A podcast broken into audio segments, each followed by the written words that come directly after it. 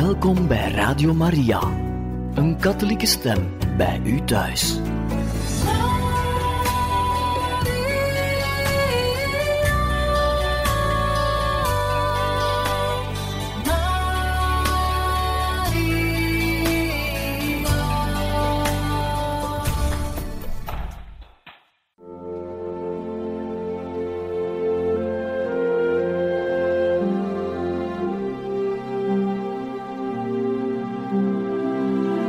Beste luisteraars van Radio Maria, welkom bij het programma Catechismus.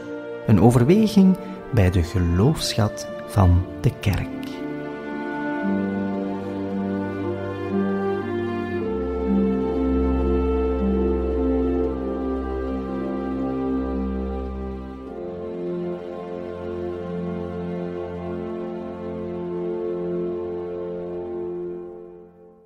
Van harte welkom, beste luisteraars, in het programma Catechismus, waarin u vandaag kan verder luisteren naar de catechese-reeks over zending vanuit de Heilige Schrift, gebracht door pater Michel Copin.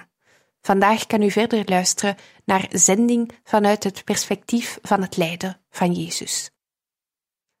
Beste luisteraars, wij zetten onze zoektocht verder. Hoe wij vanuit de Heilige Schrift, vanuit de Bijbel, de zendingsgedachte kunnen distilleren. Het is de Bijbel zelf, de heilsgeschiedenis, die er ons toe brengt om duidelijk te zien dat onze roeping als christenen om volgeling te zijn van Christus wezenlijk te maken heeft met een zending. Je kan geen volgeling zijn van Christus zonder je gezonden te weten een concrete zending binnen onze samenleving om de liefde van God daarin waar te maken. Weerom willen wij beginnen met een gebed. Wie opkomt voor de kleinen, de armen, de minder bedeelden, wie het opneemt voor de zwakken, voor allen die onrecht lijden, voor hen die door de goede gemeente met de vinger worden nagewezen, wie radicaal voor de mens kiest, en geen onderscheid maakt tussen hen, ze niet vastprikt, maar telkens opnieuw kansen geeft, wie ze niet veroordeelt, maar ze lief heeft tot het uiterste, veroordeelt zichzelf. En die uitspraak hoort, hoort hij wel, eerst achter zijn rug, dan vlak in het gezicht. Wie de waarheid zegt en doet, kiest zijn kruis. Het staat gereed al lange tijd. Beste vrienden, we zijn bezig om te zoeken hoe dat wij de zendingsgedachte van Jezus Christus kunnen ontdekken in het leidersverhaal. Voor mij is dat een nieuwe ontdekking.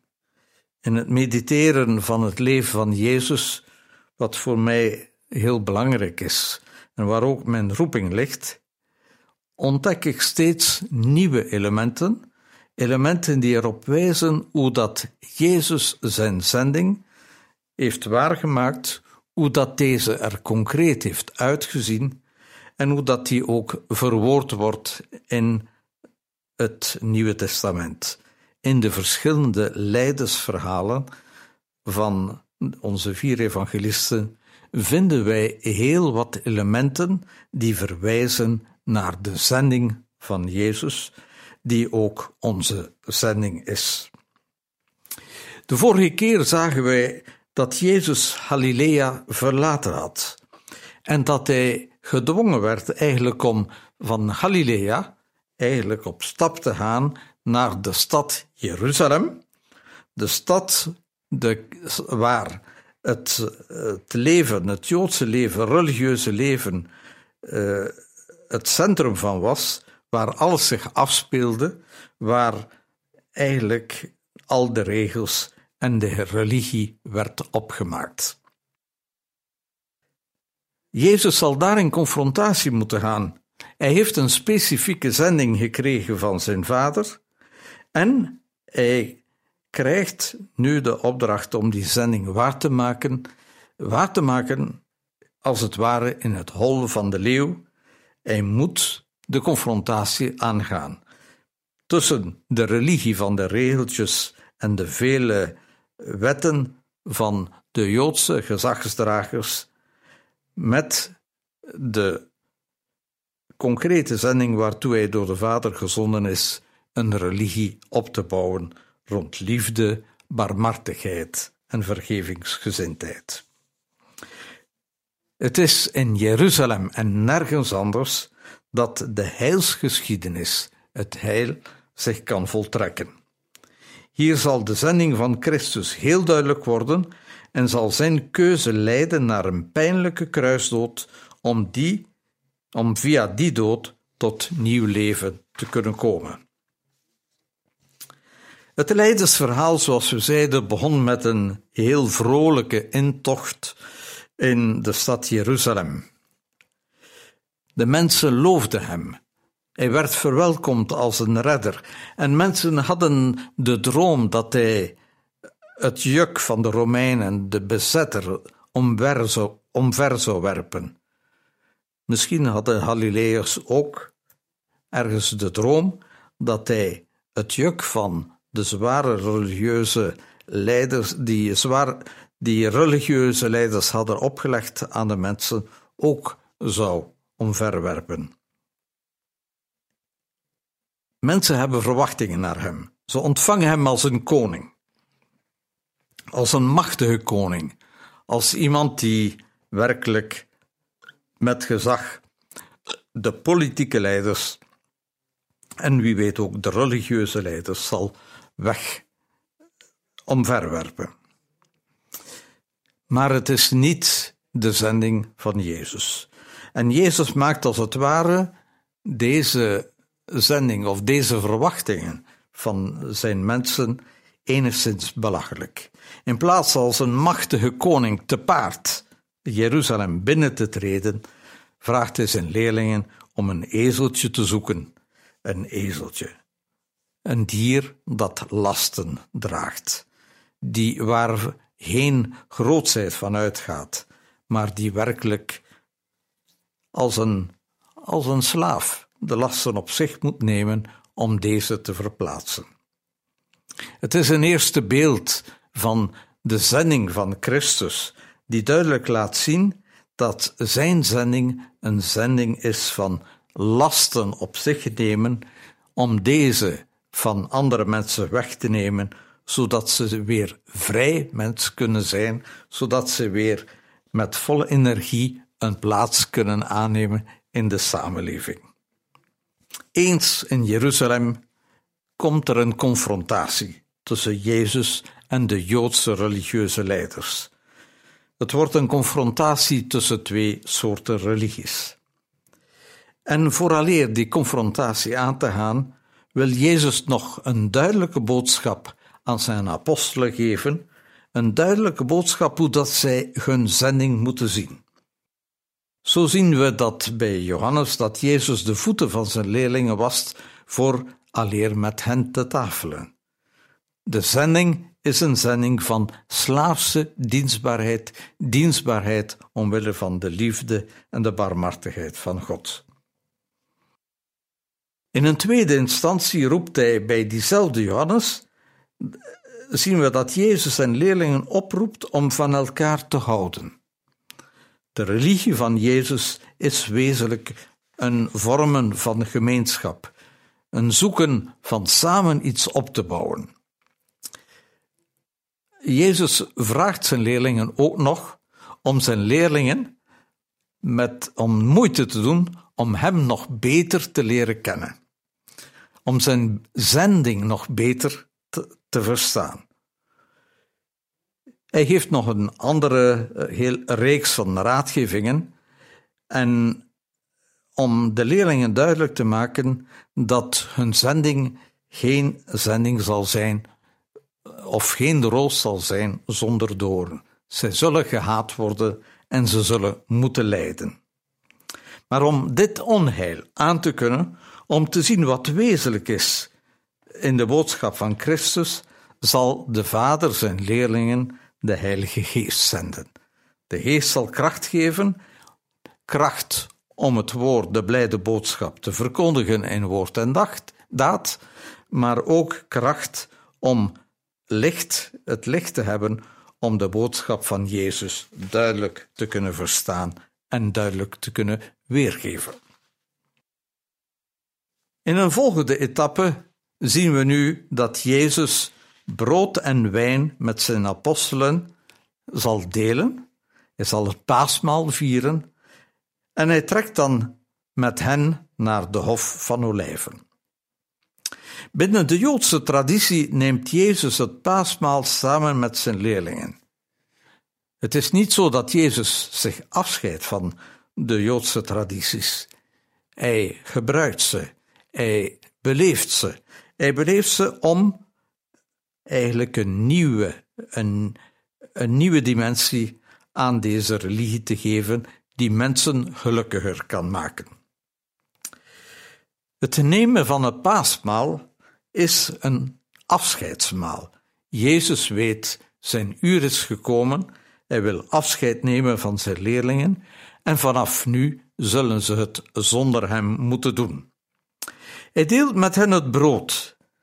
Het delen van het brood brengt de herinnering naar boven hoe Jezus het brood dat hij en de apostelen hadden aan hun toehoorders die honger hadden begonnen uit te delen. Het is de wonderbare broodvermenigvuldiging waaraan ook de bergrede aan gekoppeld is. Het is de kern van zijn evangelie. Jezus die ziet dat de mensen die tot hem gekomen zijn, dat de enigen hun picknick bij hebben, anderen niet. En hij geeft het voorbeeld. Hij vraagt zijn leerlingen om het brood en de vissen die zij zelf hebben te gaan uitdelen. Te gaan uitdelen aan de mensen die uh, in het gras zitten, waarvan een deel een picknick hadden meegebracht en waarbij anderen eigenlijk niks bij hadden. Doordat de mensen zien dat Jezus en zijn apostelen hun brood en hun vissen beginnen te delen met de anderen, wordt het een uitnodiging om die, dat brood en die vissen ook met elkaar te delen. En zo was er voldoende voor iedereen. Het is een oproep om met elkaar het leven te delen en ook datgene wat men nodig heeft om te overleven, om dat met elkaar te leven, zo te delen, zodat er genoeg is voor iedereen. In de oproep om het brood tot zich te nemen, laat Jezus een wezenlijk aspect van zijn en onze zending zien. Wij worden gezonden om het leven met elkaar te delen, net zoals Jezus zijn leven met de ander heeft gedeeld. Het leven delen wilde zeggen dat wij vreugde, het lijden, de verwachtingen die we hebben, de hoop die we hebben, dat wij bereid zijn deze met elkaar te delen. Het gaat om een solidair omgaan met de goederen van de aarde, zodat er voldoende is voor iedereen.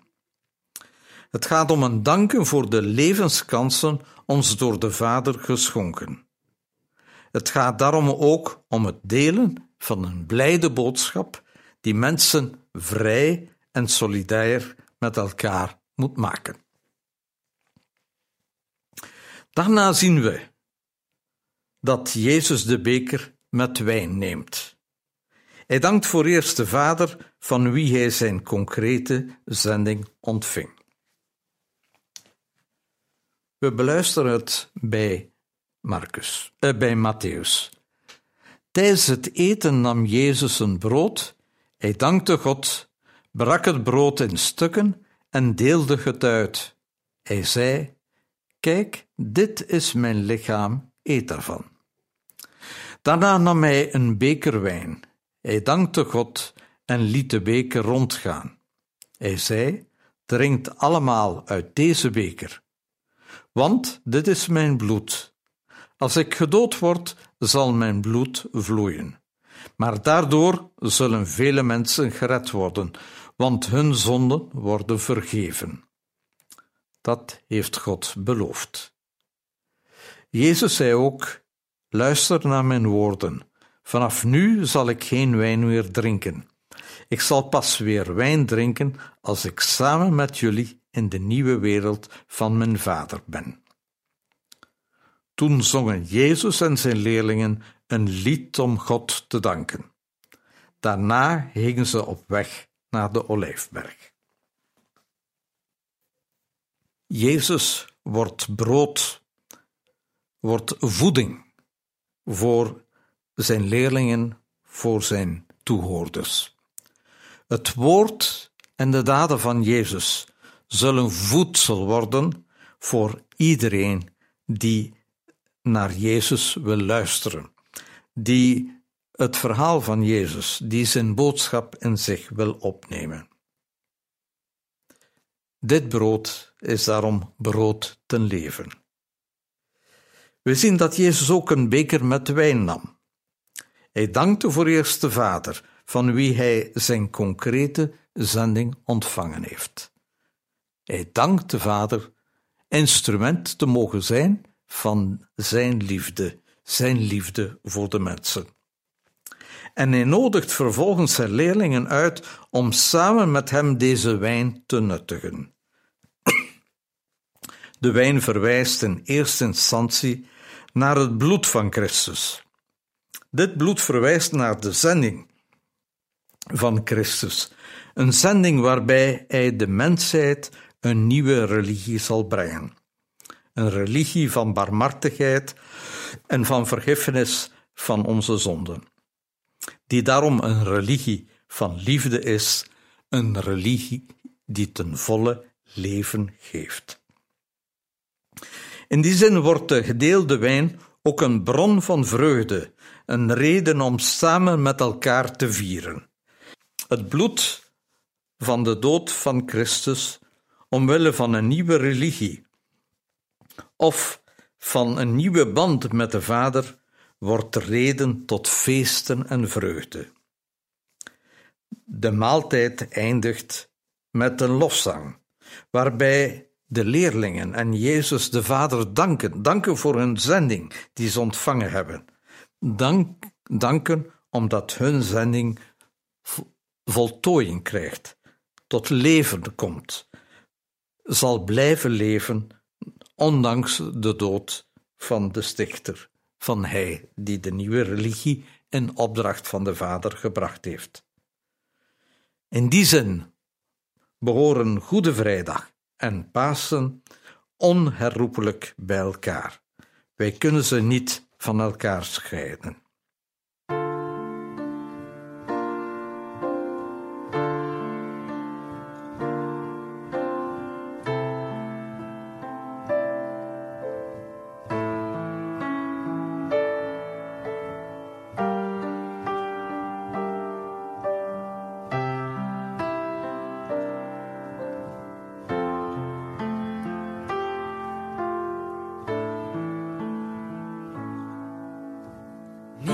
Kan uit zichzelf rein voor u staan. De zonden van mijn hart klagen mij steeds aan. Is er iemand die mij bevrijdt van mijn ongerechtigheid? Of moet ik in zonde leven voor altijd? Hoor, dat klinkt een stem, het is volbracht. Jezus droeg de schuld, dwars door de donkere nacht. En wat mij bezighoudt, die schuld die mij benauwt, droeg u voor mij, omdat u van mij houdt. Vader, dank u wel dat u uw zoon gezonden heeft. Jezus, dank u wel dat u nieuw leven aan mij geeft. Het oude leg ik neer, het nieuwe neem ik aan. Al alleen op grond van wat u heeft gedaan.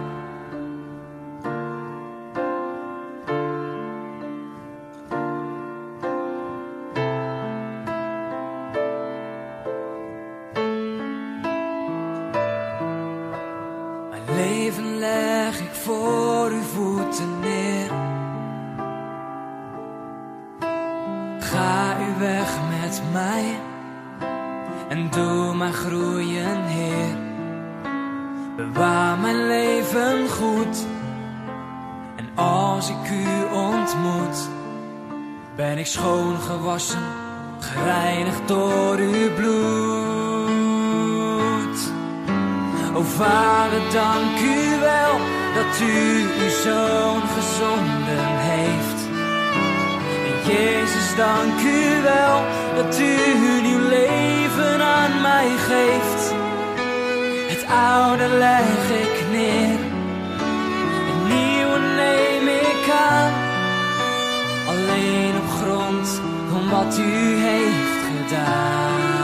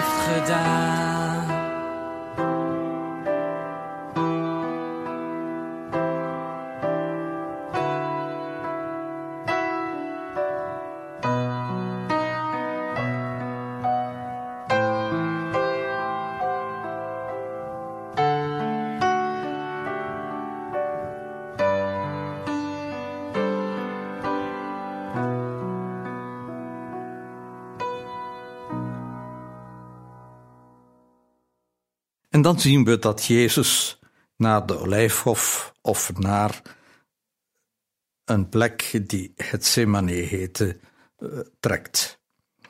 Jezus ging met de leerlingen naar een plek die Gethsemane heette. Hij zei tegen de leerlingen: Ik ga daar verderop bidden. Blijf hier wachten tot ik terugkom. Jezus nam Petrus mee en de broers Jacobus en Johannes. En Jezus werd verdrietig en bang. Hij zei: Ik hou het niet meer uit van verdriet. Blijven jullie maar hier en blijf wakker, net als ik. Jezus liep nog een klein stukje verder. Hij knielde op de grond en begon te bidden. Mijn vader, als het kan, zeg dan dat ik niet hoef te lijden. Maar doe alleen wat u wilt, niet wat ik wil.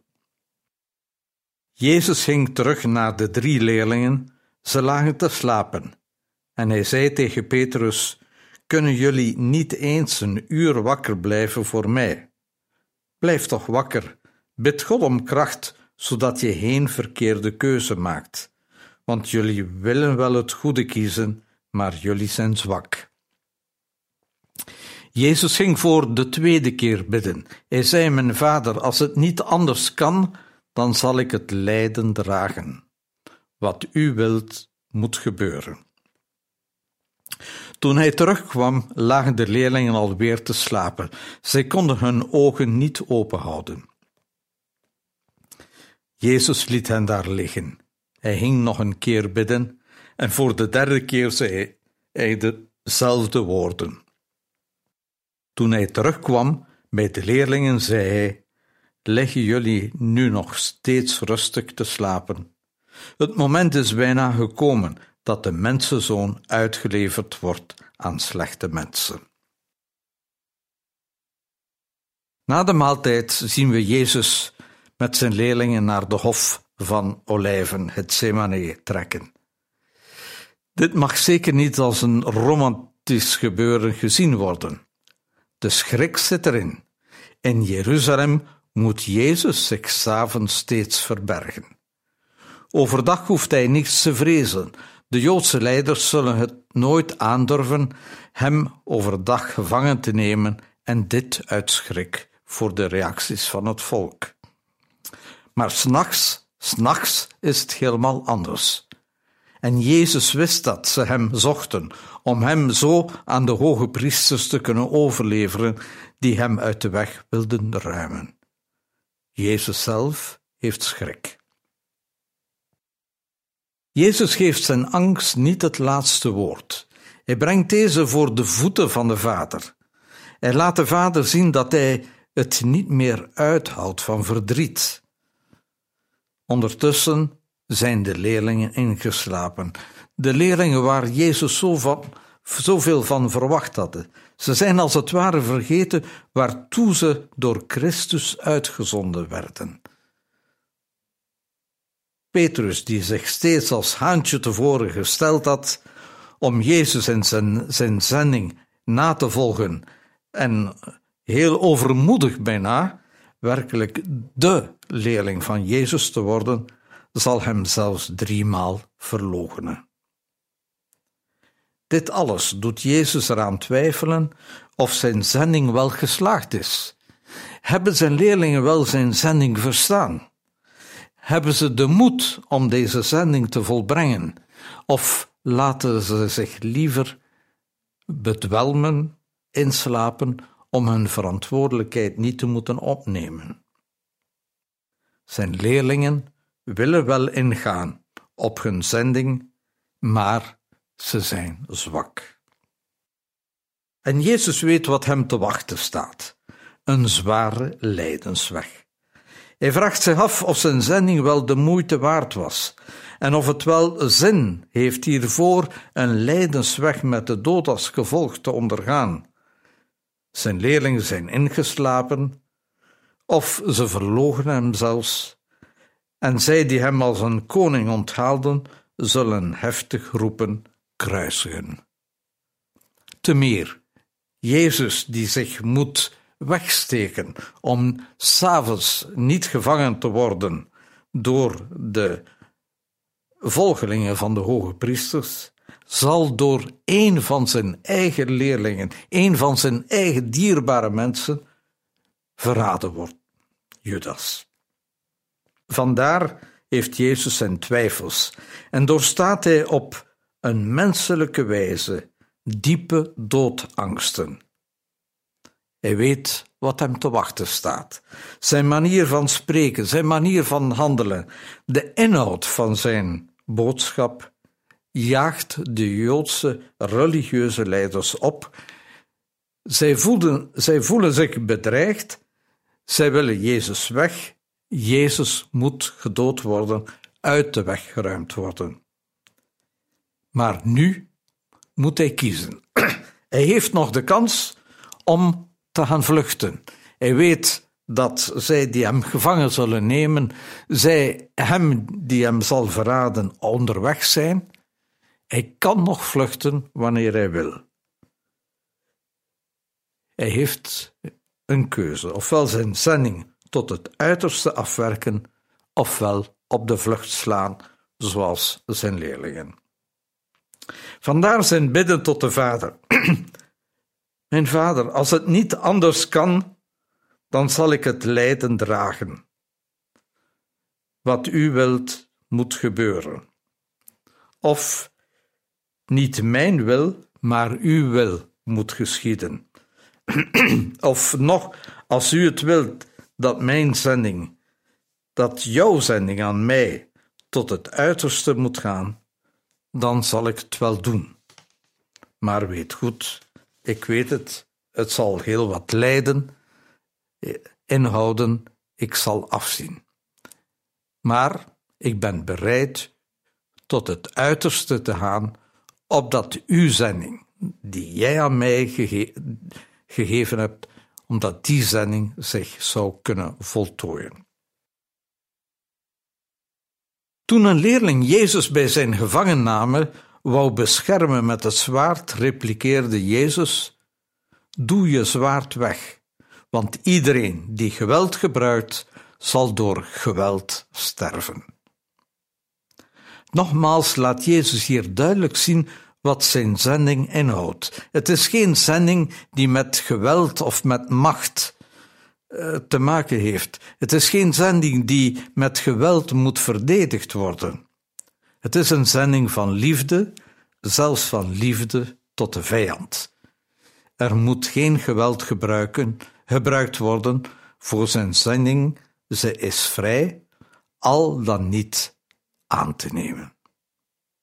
Jezus veroordeelt zelfs niet vanuit zijn concrete zending de misdaad van Judas. Hij spreekt hem aan als vriend.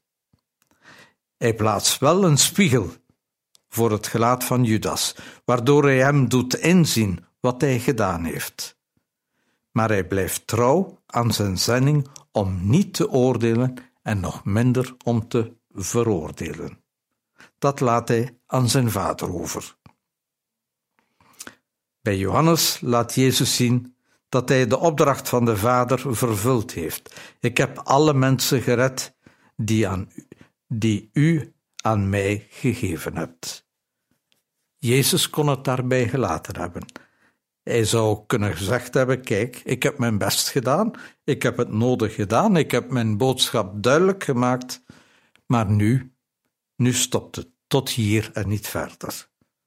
En toch laat Jezus zich gevangen nemen, omdat hij er vast van overtuigd is dat zijn zending nog niet volbracht is.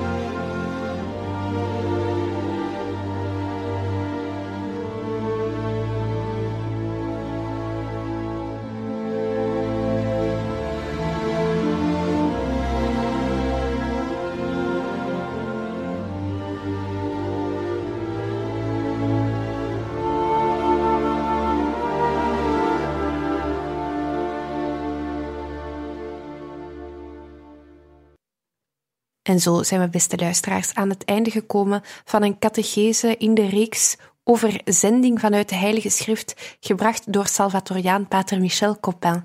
Vandaag een aflevering opnieuw over zending vanuit het perspectief van het lijden van Jezus. Radio Maria wenst u nog een mooie dag toe.